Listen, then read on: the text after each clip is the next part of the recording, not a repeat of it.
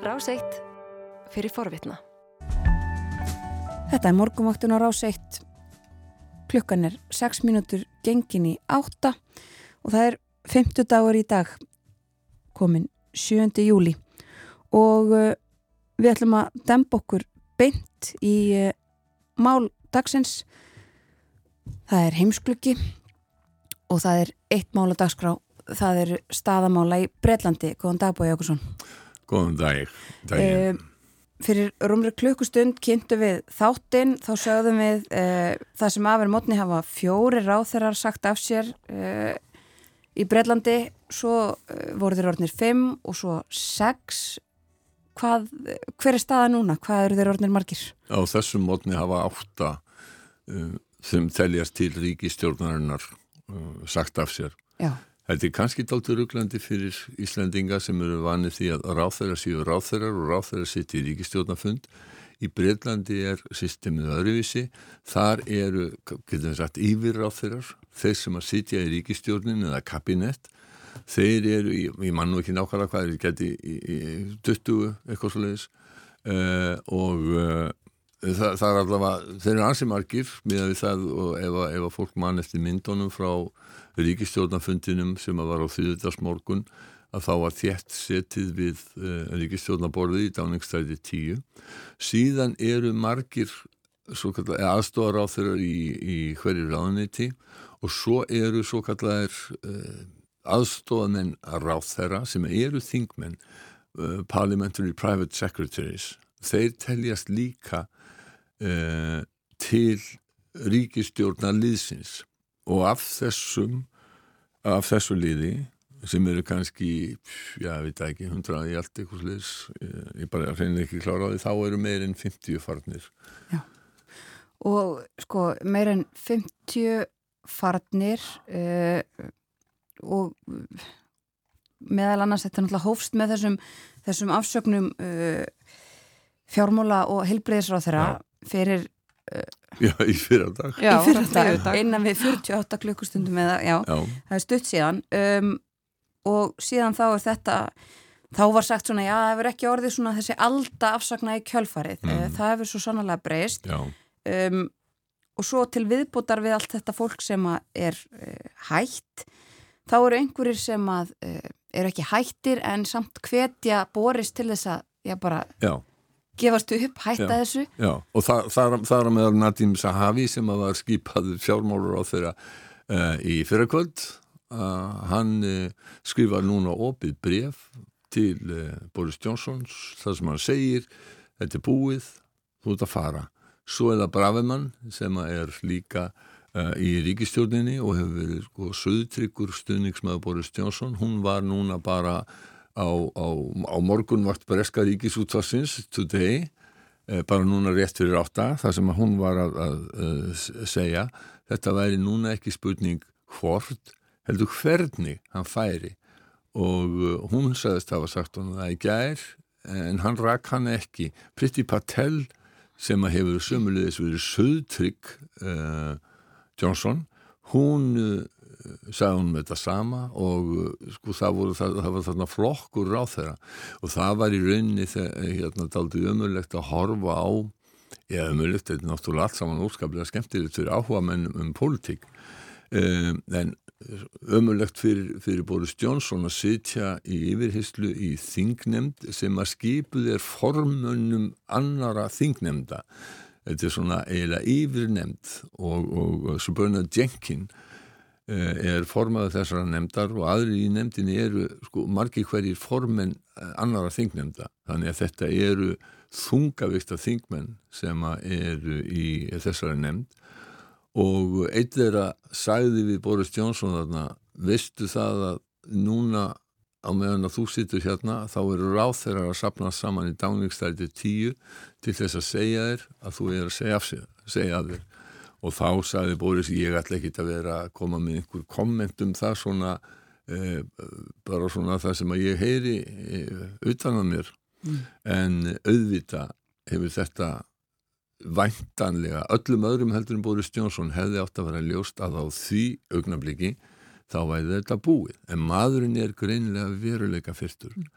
hann hefur fram að þessu uh, verið mjög sígur sæl í stjórnmálum tvisasinnum uh, þá var hann kjörinn borgarstjóri í Lundunum og fyrir íhaldsmann er það ekkert sjálfgefið vegna þess að Lundunaborg er uh, þar eru miklu fleiri stuðningsmenn uh, verkamannarflokksins uh, og frálslindara demokrata samt, samtals heldur, heldur nýjarsflokksins þannig að um, það var út af fyrir sig uh, afri, politist afreik af honum. Og hann gerist síðan uh, algjörlega án samfæringar leiðtögi brexit-hreyfingarinnar það er frægsagan af því og hann hefur ekkert mótmælt því að eh, fram á síðustu stundu þá vissi hann ekki hvort hann ætti að vera með eða móti brexit og hann var búin að skrifa tvö bref annað það sem hann var á, á, á móti brexit og hitt það sem hann var með brexit. Svo mata það bara þannig að, að þér er stjórnmálaskinnundu segja að hans ferill væri búin ef hann, ef hann jæna, hérna, yrði með Brexit, því að þá yrði David, David Cameron áfram fórsættisráð hins vegar væri möguleikar ef hann, ef hann væri Brexit fórustum aður og það gerði hann. Og gegn öllum spám að þá unnu Brexit sinnar þjóðaratkvæði kristnuna David Cameron sagði af sér og þá ætlaði Boris að fara í frambóð en þá er það Michael Gove sem að bregst honum á því augnabliki það er ástæðan fyrir því að Michael Gove einn þeirra ráð þeirra sem að eh, ráðluð honum í gær að hætta var rekin Ég ætla að nefna hérna uh, ég ætla að sjá hvort við getum bara aðeins spilað uh, það er verið að segja frá því á BBC að Boris Johnson hafi samþygt að uh, fara. Að þess að heyra hvað þetta er statt Það er komin frett um það uh, Boris Johnson ætli að segja af sér uh, þau eru nokkið að tala akkurat um þetta einmitt núna. en uh, sagt hér frá því á vefnum að Boris Johnson hafi samþygt að segja af sér en hann vilji halda áfram sem forsvættisráð þeirra þar til búið er að e, kjósa nýjan leðtúa íhaldsflokksins í haust. Chris Mason á Breska ríkisútarpinu sem er að segja frá þessu. Já, hún er búin að segja af sig hún Caroline Johnson sem aðna að, að varaformaður flokksins. Já. Já. Uh, við fylgjumst áfram með því sem er að uh, gerast þarna fólk hefur verið að kalla eftir þessu, hefur verið að segja á vef uh, í, í útsendingu Breska Ríkisútursins uh, sko finnst okkur líklegt að uh, ef að þetta eru uh, réttar fréttir að, að uh, fósættisráðran fái að halda áfram til hausts? Já, það er hefðin að já, til dæmis Theresa May Hún var áfram uh, leðtögi flokksins í tvo mánuði og fórsættisráð þra eftir að hún var búin að tilkynna að uh, hún væri að fara. Þetta er sérstætt sá tími sem það tekur í halsflokkin að velja nýjan forman. Nú, Chris Mason eh, hefur gríðarlega góð tengsl eins og þessir eh, politísku rýtstjórar hjá BBC hafa venjulega. Um, og uh, hann uh, þannig að það er full ástæði til þess að taka mark á því ef að hann segir að uh, hlutirnir séu svona. Og ég sé að er líka að koma með að, að það sé búist við því að Boris Johnson segja af sér í dag. Já, einmitt, Guardian er með það líka. Já, þannig að um, þá virðist þetta vera bara búið spil. Já. Og sem að þetta var í rauninni búið spil. Þetta var bara spurningum um, um um, um tíma hvenar, hvenar þetta, þetta gerðist En hver er, hver er líklegastur sem næsti formaður í helsflokksins? Já, nú kemur að erfiðri spurningu. Það, það er margir nefndir. Ég var að nefna það á þann að Suela Bravermann hefði verið í viðtali á, um, á morgunvakt Breskaríkis útvarsins mm -hmm. og þar lísti hún bara yfir því að hún var alveg til í það og, og, og þá var hann spurð uh, en þú hefur í rauninni aldrei þú hefur ekki þá reynslu af stjórnmálum, þú hefur ekki þú hefur ekki verið ráðherra í stóru ráðuneyti og styrt stóru ráðuneyti. Hún, þá, hún sagði bara, nei það er ekki rétt ég hef gert það og ég hef mikla politíska reynslu og ég get alveg tekið þetta að mér. Þannig að hún er einn möguleiki. Um, og það er það er klárt að Nadim Sahavi sem tók að sér að vera fjármálar á þeirra í fyrra kvöld hann hyggur á frambóð í, í leðtóðanbættið það er uh, ljóstalis Tröss utanrikiðsáþra hún uh, er mjög metnaðagjörn og mjög líklegt að hún gefi kost á sér.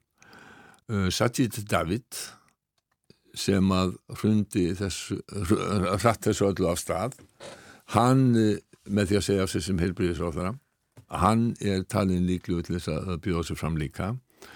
Og svo er Ben Wallace varnamálar á þeirra sem var nú í Íslandi fyrir hvað þeir með vikum eða svo hann er talin líklegur. Og það er eitt sem er þó dálítið sérstættir Ben Wallace og, og, og maður ja, svona gæti hugsanlega verið hissa á að hann var ekki þessum hópi sem að fór til Boris Johnsons í gær og sagði honum að, að, að, að þetta væri búið.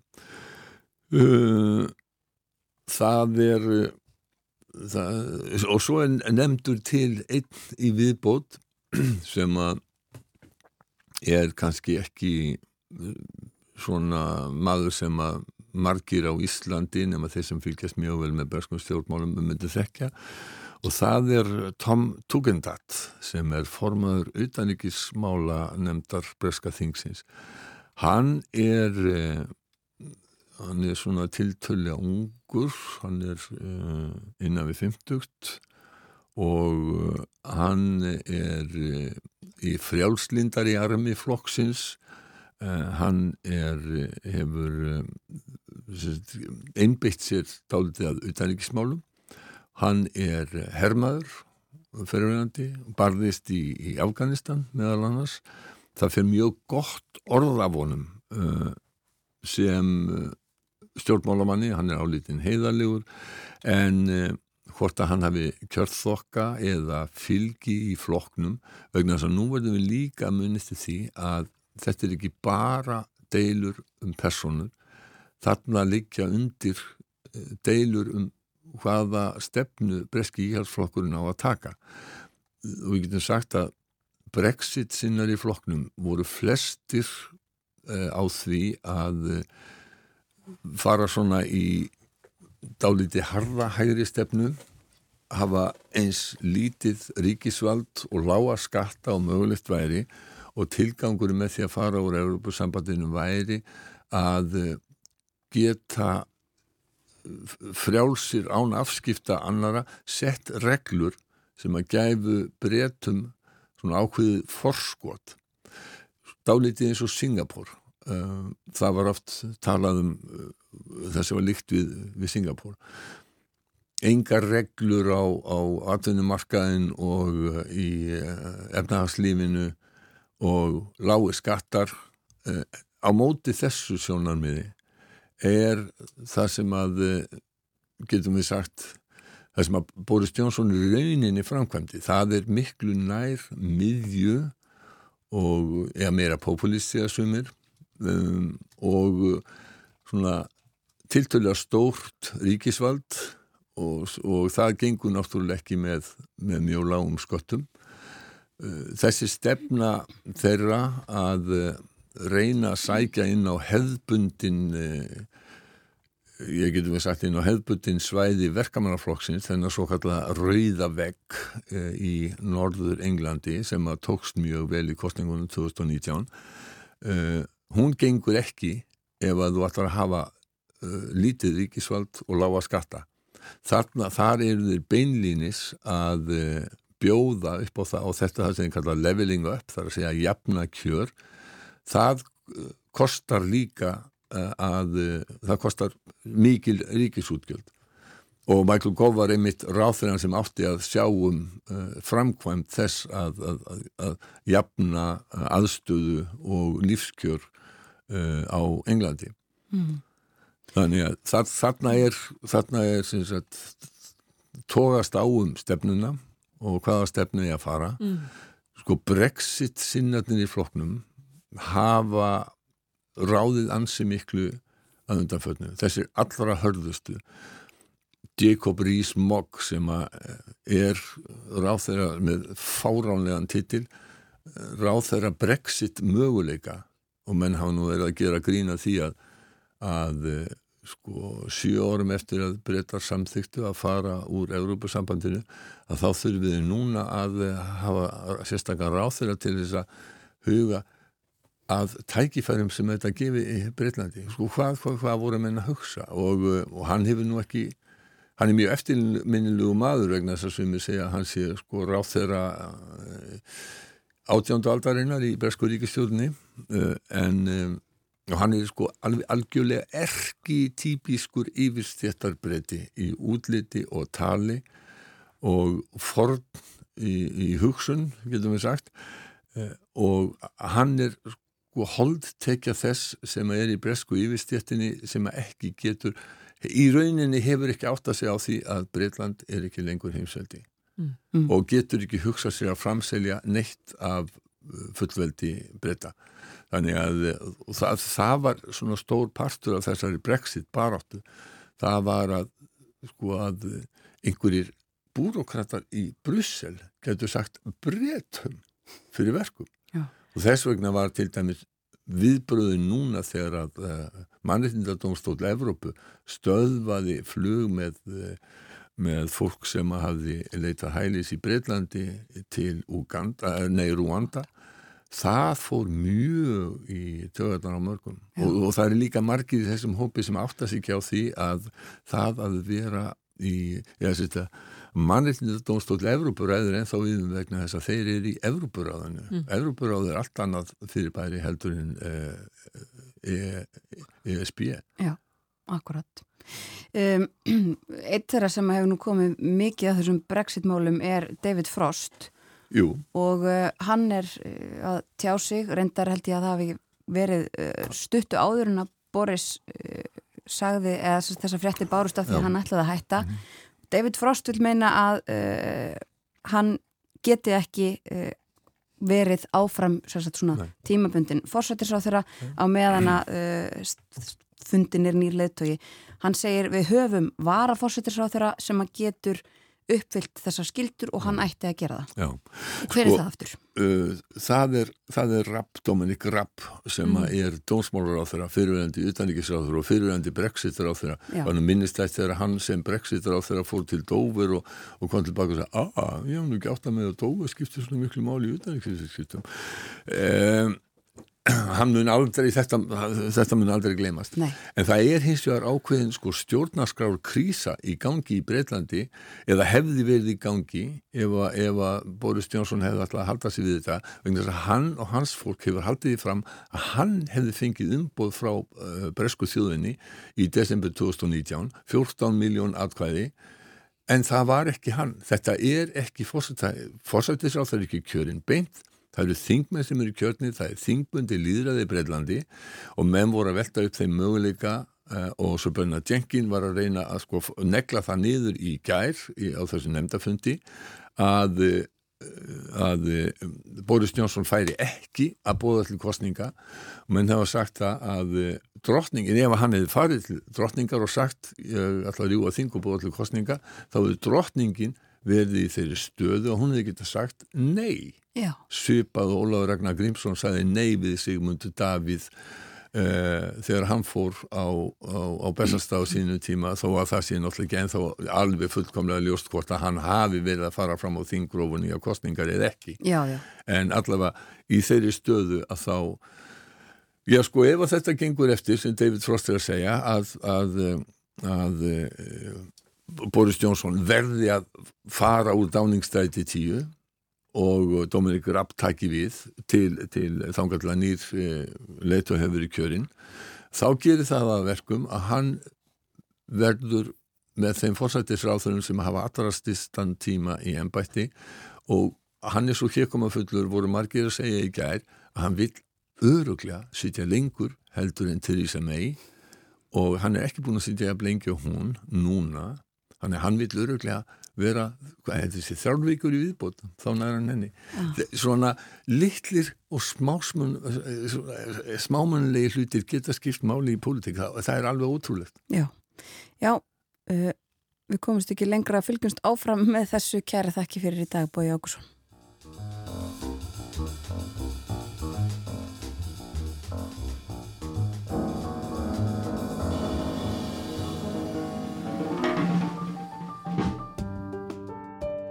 Þú varst að hlusta á hlaðvarpsþátt frá Rás 1. Ef þið langar til að heyra meira, farðu þá á rúf.is skástrygg hlaðvarp eða spilaran á rúf.is skástrygg útvarp. Rás 1 fyrir forvitna.